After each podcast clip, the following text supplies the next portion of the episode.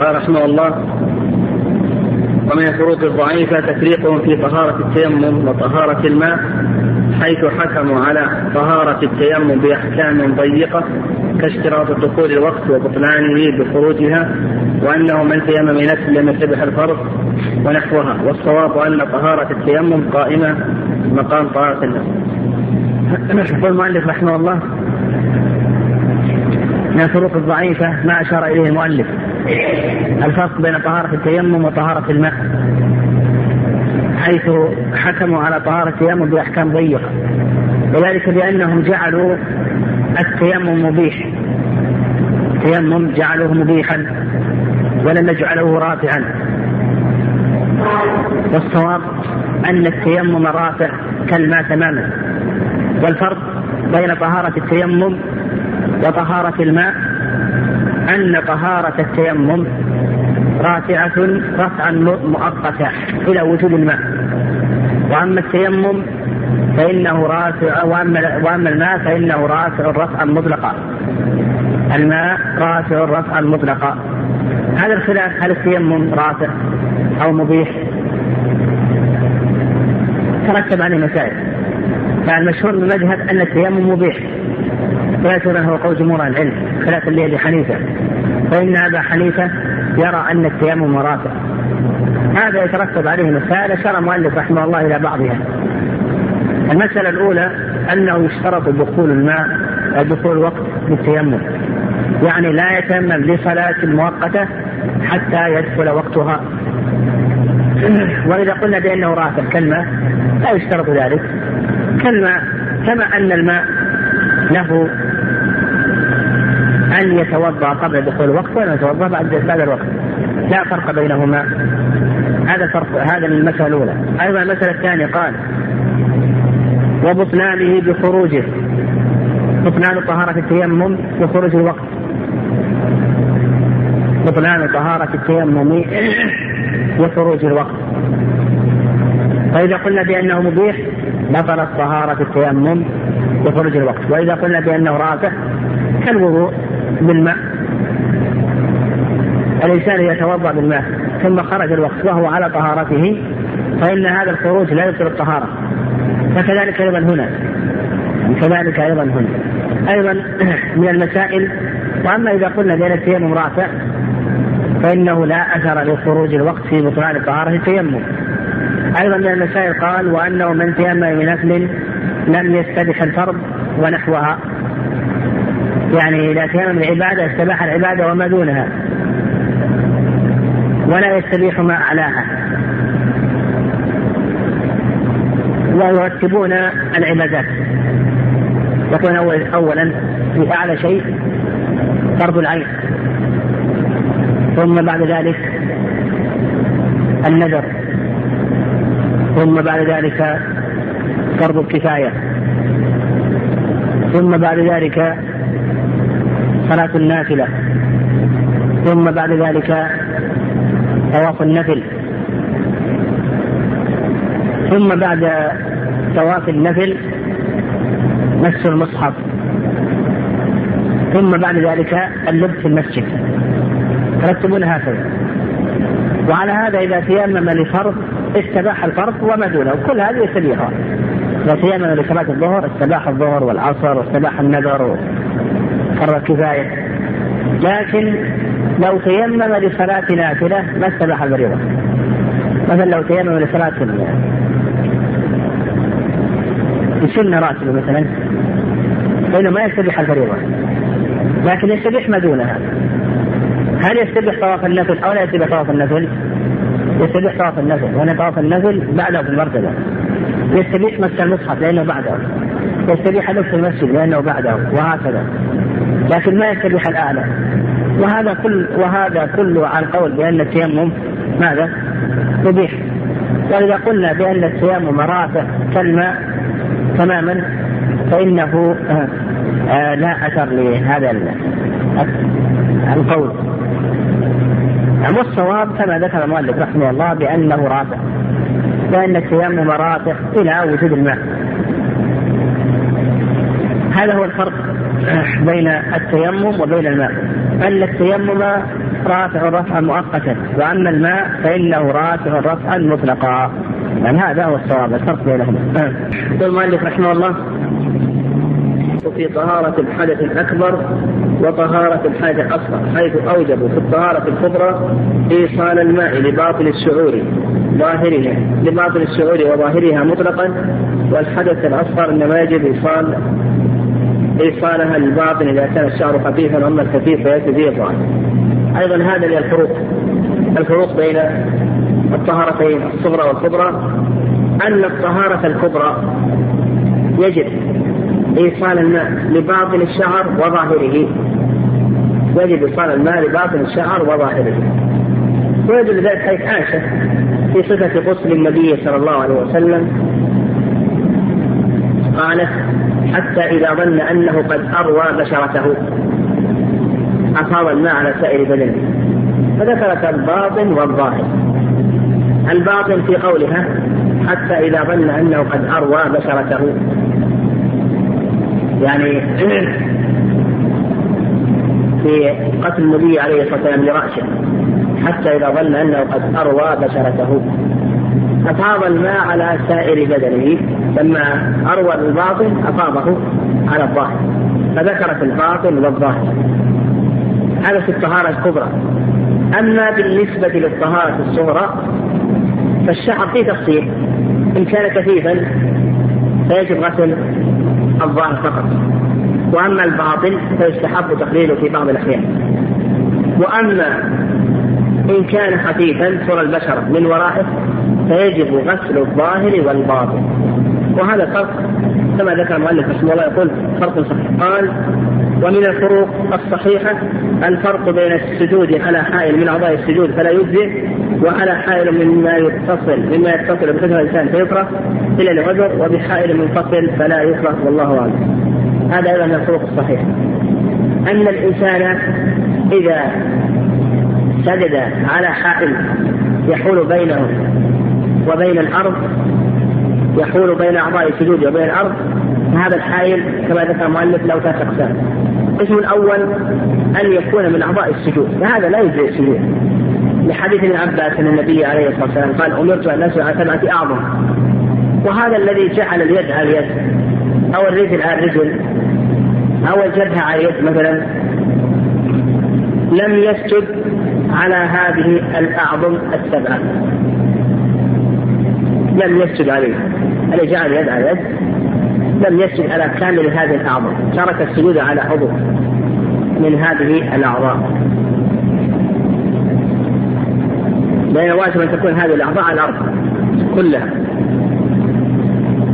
تكون هذه الأعضاء على الأرض كلها. وكونه يجعل عضو على عضو هذا يؤدي أنه لم يسجد على الأعضاء كلها. القسم الثاني إذا كان حائل متصل بالإنسان مثل ثوبه مثل عمامته وترته إلى آخره. إذا كان متصلا على الإنسان فإنه يكره إلا لعذر كشدة حر أو شدة برد أو آه غبار لا يتحمله الإنسان إلى آخره. فإنه في هذه الحالة لا بأس أن يسجد على طرف ثوبه أو ما اتصل به. ويدل ذلك حيث أنس رضي الله تعالى عنه أنهم كانوا يمكنون اتباعهم من الأرض. قال فإذا وجد أحدنا حر الشمس أو حر نعم حر الشمس بسط طرف ثوبه فسجد عليه. بسط طرف ثوبه فسجد عليه. فهذا يدل على أن الصحابة رضي الله تعالى عنهم الأصل أنهم كانوا يباشرون يباشرون بأعضاء سجود الأرض إلا عند الحاجة وأنهم كانوا يتقون أطراف ثيابهم إلا عند الحاجة فإذا وجد أحدهم حر الرمضة بسط طرف ثوبه فسجد عليه. وقد ذكر ابن القيم رحمه الله أنه لم يثبت عن النبي عليه الصلاة والسلام أنه سجد على طرف عمامته لا في حديث صحيح ولا في حديث ضعيف. لم يثبت. القسم الثالث أن يكون منفصلا أن يكون هذا الحائل منفصلا فهذا لا بأس. يعني إذا كان الحائل منفصلا فهذا لا بأس أن الإنسان يسجد عليه. قال ومن الفروق الصحيحة الفرق بين أجزاء الحيوان الطاهر إذا مات بغير تزكية شرعية وأنها ذات أقسام قسم طاهر على كل حال وهو الشعر والصوف والوبر والريش لأنها منفصلات لا فضلات فيها ولا يحلها الموت وقسم نجس على كل حال محرم وهو اللحوم والشهوم باختلاف أنواعها وما يتبعها إلى آخره قسم النجس إلى آخره. هذا فرق يقول المؤلف الفروق الصحيح. التفريق بين اجزاء الحيوان يعني إذا مات الإنسان إذا مات الحيوان الحيوان المأكول إذا مات. فيقول المؤلف رحمه الله لأن أجزاءه تنقسم ثلاث أقسام القسم الأول قسم طاهر على كل حال وهو الشعر والريش والصوف والوبر. آه. هذه الأشياء طاهرة على كل حال. حتى ولو كانت من ميتة. شعر الميتة طاهر وريشها ووبرها وصوفها. لأن هذه الأشياء لا تعمل فيها الزكاة شيئا. الزكاة لا تعمل فيها شيئا. فلا تحلها الزكاة. يعني الزكاة في تطيب الحيوان المزكى ومثل هذه الأشياء الزكاة فيها وجودها كعدمها لأنه لا تحلها الحياة لا يخرج منها الدم السائل. لا يخرج منها الدم السائل. هذا دليل. الدليل الثاني أن الله عز وجل امتن على عباده بهذه الأشياء. فقال سبحانه من أصواتها وأوبارها وأشعارها أساسا ومتاعا إلى حين. فامتن الله عز وجل بأن هذه الشعور والصوف والوبر أن هذه الأشياء نعمة نعمة على الإنسان.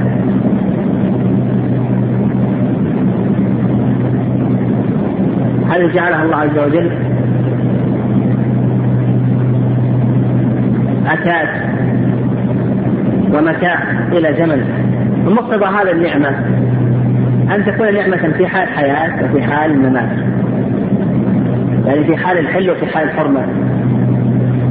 أو ذكر المؤلف رحمه الله الشعر والصوف والوبر والريش أيضا يلحق على ذلك على الصحيح كل ما لا تحل الحياة مثل القرون والأضلاف القرون والأضلاف هذه أيضا طاهرة من الميت. كذلك أيضا عند شيخ الإسلام يلحق شيخ الإسلام العظام. العظام هذا شيخ الإسلام يقول لا تحل الحياة فيرى أنها طاهرة. كذلك أيضا عند شيخ الإسلام اللبن لبن الميتة إذا أخذ قبل أن يتغير إذا أخذ قبل أن يتغير فيرى أنه طاهر لأن الصحابة رضي الله تعالى عنهم أكلوا وجوب المجوس. هذا القسم الأول. قال وقسم النجس على كل حال محرم وهو اللحوم والشحوم باختلاف أنواعها وما يتبعها من الأعصاب والعروق. يعني هذه محرمة لا شك بقول الله عز وجل إنما حرم عليكم الميتة والدم. الميتة والدم. فهذا داخل في الميتة. حرمت عليكم الميتة والدم إلى آخره فاللحم والشحم باختلاف أنواعها والأعصاب والعروق وكذلك العظام لأنه يحلها الموت وتكون هذه الأجزاء بعد الموت خبيثة العظام كما أشرنا للمذهب أنها نجسة وكما ذكر المؤلف رحمه الله. وعن شيخ الإسلام أنها طاهرة. قال وقسم النجس تطهره الدباق وهو الجلد كما ثبتت به النصوص ولأن الدباق يزيل ما فيه من الخبث. هذا القسم الثالث. القسم الثالث دائر بين الحالتين دائر بين الحالتين إن دائر بين الحالتين آه إن دبق طهر وإن لم يدبق لم يدبق لم فعندنا قسم طاهر بكل حال قسم نجس بكل حال. قسم يطهر بالدبق إن دبغ طهر وإن لم يدبغ لم يطهر. يعني إن دبغ طهر وإن لم يدبغ لم يطهر. نعم. قال كما قسم الشارع الحيوانات. بالنسبة إلى الحل والحرمة إلى ثلاثة أنواع قسم حلال طيب حيا وميتا وهو حياة البحر وكذلك الجراد قسم حرام لا ينفع به زكاة ولا غيرها وهو كل ذي ناد من السباع وكل ذي مثل من الطير والخبائث كما مفصل في الأطعمة وقسم يحل بشرط التزكية والأنعام الثمانية من أسواع من حالة البر متنوعة والله أعلم. أيضا هذا تقسيم صحيح. هذا التقسيم أيضا صحيح. بالنسبة لحل الحيوانات وحرمتها. أولا نعرف القاعدة في ذلك في باب الأطعمة أن الأصل هو حل الحيوان. الأصل حل الحيوان كما قال الله عز وجل هو الذي خلق لكم ما في الأرض ما في الأرض جميعا وهذه الحيوانات كما أشار المؤلف رحمه الله تنقسم إلى ثلاثة أقسام القسم الأول حلال طيب ميت ميتا وحيا سواء كان في حال حياة أو كان في حال موت وهو حيوانات البحر. وكذلك أيضا الجراد ودليل ذلك قول الله عز وجل أحل لكم صيد البحر وطعامه متاعا لكم وللسيارة أحل لكم صيد البحر وطعامه متاعا لكم وللسيارة صيد البحر ما أخذ حيا وطعامه ما أخذ ميتا كما قال ابن عباس. نعم. وأيضا قول النبي عليه الصلاة والسلام في ماء البحر هو الطهور ماؤه الحل ميتة. حل ميتة. كذلك أيضا الجراد. الجراد حلال. وأدل ذلك حديث غزونا مع رسول الله صلى الله عليه وسلم سبع سنوات نأكل معه الجراد. وأيضا حديث خير ميتتان ودمان على ثبوته وأن من من الميتتين الحوت والجراد. إلى آخره. قال وقسم حرام لا ينفع فيه زكاة ولا غيرها وهو كل ذي من السباع وكل ذي مخلب من الطيور. هذا كما في حديث أبي ثعلبة الخشني رضي الله تعالى عنه. إن النبي عليه الصلاة والسلام نهى عن كل ذي ناب من السباع وعن كل ذي مخلب من الطير. نهى عن كل ذي ناب من السباع وعن كل ذي مخلب من الطير. من ناس من السباع المخلب من الطير هذا منهي عنه. ما محرم ولا يجوز. كذلك أيضا يقول المؤلف كما مفصل وغير ذلك يعني من ال... مما يحرم من الحيوانات كما هو معروف في باب الأطعمة. نعم كما هو معروف في باب الأطعمة.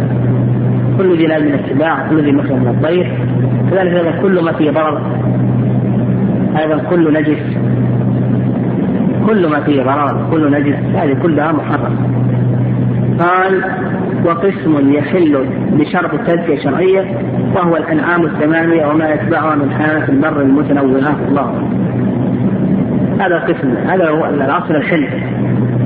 فما عدا القسم الثاني وهو كل ذي من السباع مثل من الطير وما فيه مضرة أو نجاسة الباقي حلال. الباقي نقول بأنه حلال. ويدخل في ذلك ما أشار إليه المؤلف رحمه الله من عن الثمانية.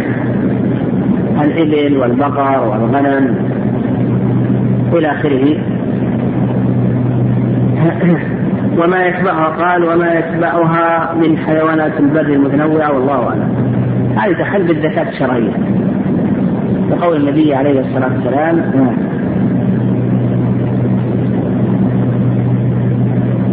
ما نهر الدم؟ وذكر اسم الله عليه ما انهر الدم وذكر اسم الله حيث مات من خديجه رضي الله تعالى عنه. اشترط النبي عليه السلام الزكاة الشرعية انهار الدم وأن يذكر اسم الله عز وجل. قال ومن الفروق الصحيحة الفرق بين الدماء التي يأكل منها صاحبها والتي تجب الصدقة بها كلها. أن دم الأضاحي والعقائق ودماء ودماء الأنساك التمتع والقران والهدي المستحب كلها يؤكل منها ويهدى ويتصدق. وأما الدماء التي سببها فعل محظور ترك واجب فإنه تجب الصدقة بها لأنها تجري مجرى الكفارات وتلك مجراها مجرى العبادات المحضة. أيضا هذا من الفروق. من الفروق بالنسبة للأكل من هذه الدماء. يكون في أيام التشريق يوم عيد الأضحى وأيام التشريق. ماذا يأكل من هذه الدماء وما لا يأكل؟ تقول هذا أقسام. أشار إليه المؤلف القسم الأول دماء الإنسان. كنسك التمتع ونسك القران. هذا يأكل منه الإنسان. نقول هذا يأكل منه الإنسان. النبي عليه الصلاة والسلام أكل من هديه. الله عز وجل يقول فكلوا منها. أمر. هذا العلم إلى الوجوب. إلى وجوب القسم الثاني الهدي هدي التطوع. يعني الذي يهديه الإنسان للحرم أيضا نقول هذا يأكل منه. والنبي عليه الصلاة والسلام أكل من هدي أيضا. وقد أهدى النبي عليه الصلاة والسلام. مئة بدنة.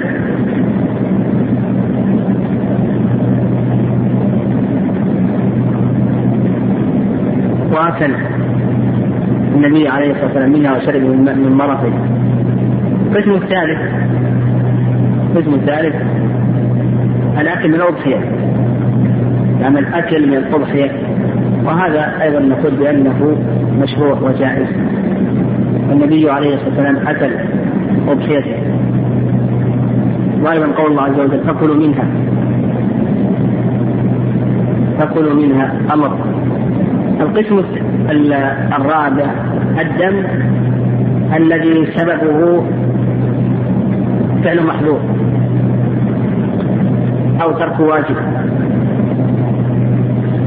هذا لا يأكل منه الإنسان لأن لو إنسان فعل محظور محظورات فعل محظور مثلا حلق حلق رأسه. يقول أنت مخير. فإن أن تصوم ثلاثة أيام وتطعم ست مساكين أو تذبح دما. فإذا أراق دما إذا أراق دما نقول هذا الدم لا تأكل منه. لا تأكل منه وإنما يكون لفقراء الحرم. هذا القسم الرابع. ثلاثة إذا ترك واجب من واجبات إذا ترك واجب الإحرام من الميقات أو رمي الجمار إلى آخره فإنه يجب عليه دم وهذا الدم لا يجوز له أن يأكل منه.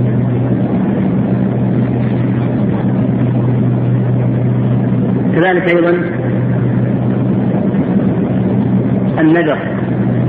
النذر إذا حلف على النذر تنقص التقرب لله عز وجل فإنه ما يجوز له أن يأكل بل يجب أن يطعمه الفقراء والمساكين لأنه هذا شيء أخرجه لله عز وجل. وإن كان قصد بالنذر الفرح والسرور قصد بالنذر الفرح والسرور فهذا لا بأس أن يأكل منه لأن حكمه حكم المباح. إن شاء فعله وإن شاء كفر عن ذلك كفارة كفارته. قال ومن الفروق الصحيحة الفرق بين المغالبات التي لا تحل مطلقا لا بعوض ولا بغيره كالنرد والشطرنج التي هي شر وشرها أكثر من نفسها والتي تخل مطلقا بعوض وغير عوض كالمسابقة على الخير والإبل والسهام لأنها تعين على الجهاد وقوام الدين. والتي يفرط فيها بين عوض فلا تحل وإلا حلت وهي باقي المغالبات لأن الحكمة في ذلك بينة واضحة. هنا أيضا المؤلف رحمه الله بين بالنسبة وذكر أقسام المسابقات. أقسام المسابقات. وأن المسابقات تنقسم إلى أقسام. يعني المسابقات تنقسم إلى أقسام. القسم الأول مسابقات مشروعة يعني يكون بعوض أو بغير عوض بعوض من الجانبين أو من أحدهما أو بغير عوض وهذه هي التي قال فيها النبي صلى الله عليه وسلم لا سبق إلا في خف أو نصب أو حافل لا عوض إلا في هذه الأشياء. وما كان في معناها اليومي على الجهاد. يعني ينظر ما هو الذي في معنى الإبل ينظر ما هو الذي معنى في معنى السهام وهذا هو الأكثر الآن يعني الرمي. ينظر أيضا فيما هو الذي في معنى الخير. فتصح المسابقات على هذه الآلات التي تقوم مقام هذه الأشياء. تصح المسابقة عليها.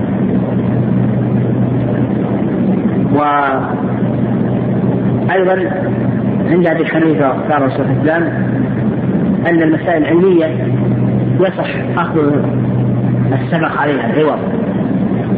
وأنها داخلة في ذلك. ويصح أن يكون أن تكون على عوض من الجانبين أو من أحدهما. القسم الثاني المسابقات المحرمة. هذه محرمة لا تجوز مطلقا. سواء كان ذلك بعوض أو كان ذلك بغير عوض. المسابقات المحرمة مطلقا لا تجوز. سواء كان ذلك بعوض من الجانبين وهذا ميسر أو كان من أحدهما أو كانت بغير عوض. فنقول بأن هذه لا وهي محرمة القسم الثالث المسابقات المباحة. غير المشروعة غير المحرمة. مثل الآن السباحة مثل السباق على الدراجات مثل المصارعة التي ليس فيها ضرر. إلى آخره مثل السبق على الأقدام المسابقة على الأقدام الجري. إلى آخره فهذه المسابقات مباحة هذه يقول لك المؤلف رحمه الله كان فيها عوض ما تجوز وإن لم يكن فيها عوض نعم إن كان فيها عوض ما تجوز. وإن لم يكن فيها عوض فإنها جائزة. نعم فإنها جائزة. فإذا كان فيها عوض لا تجوز وإن لم يكن فيها عوض فإنها جائزة ولا بأس بها. والعوض إن كان من الجانبين فهذا ظاهر أنه محرم. وإن كان من الإمام فهذا جائز. كان من الإمام فهذا جائز. وإن كان من أحدهما فهذا موضع خلاف. هذا موضع خلاف. ذهب لي ابن القيم أنه لا يجوز. أنه لا يجوز. نعم. قال ومن الفروق الصحيحة الفرق بين ما تثبت فيه الشفعة من الشركة في العقارات التي لم تقسم لكثرة ضرر المشاركة فيها ودوامه وبين المشتركات الأخرى التي لا شفعة فيها لقلة ذلك أو قصر زمن. أيضا جعل المؤلف رحمه الله هذا من الفروق الصحيحة. يقول من الفروق الصحيحة أن الشفعة تثبت في الشركة أن الشفعة تثبت في شركة العقار أن الشفعة تثبت في شركة العقار وأما ما على ذلك من المنقولات فلا تثبت فيه الشفعه فرق بين العقار والمنقول. العقار تثبت فيه الشفعه وأما المنقول لا تثبت فيه الشفعه والصواب في هذه المسألة ما ذهب إليه الظاهرية وأنه لا فرق بين العقار والمنقول وأن الشفعه تثبت في العقارات وتثبت أيضا في المنقولات. هذا هو الصواب. يقول الصواب أن الشفعة تثبت في العقارات وكذلك أيضا تثبت في المنقولات. لقول حي جابر النبي عليه الصلاة والسلام قضى بالشفعة في كل ما لم يقسم قضى بالشفعة في كل ما لم يقسم هذا اسم العقار واسم المنقول. وأما قوله بعد ذلك فإذا وقعت الحدود وصلت الطرق فلا شفعة. هذا ذكر بعض أفراد الآن. وذكر بعض أفراد العام بحكم يوافق العام هذا لا يقتضي التخصيص نقول ذكر بعض أفراد العام بحكم يوافق العام نقول هذا لا يقتضي التخصيص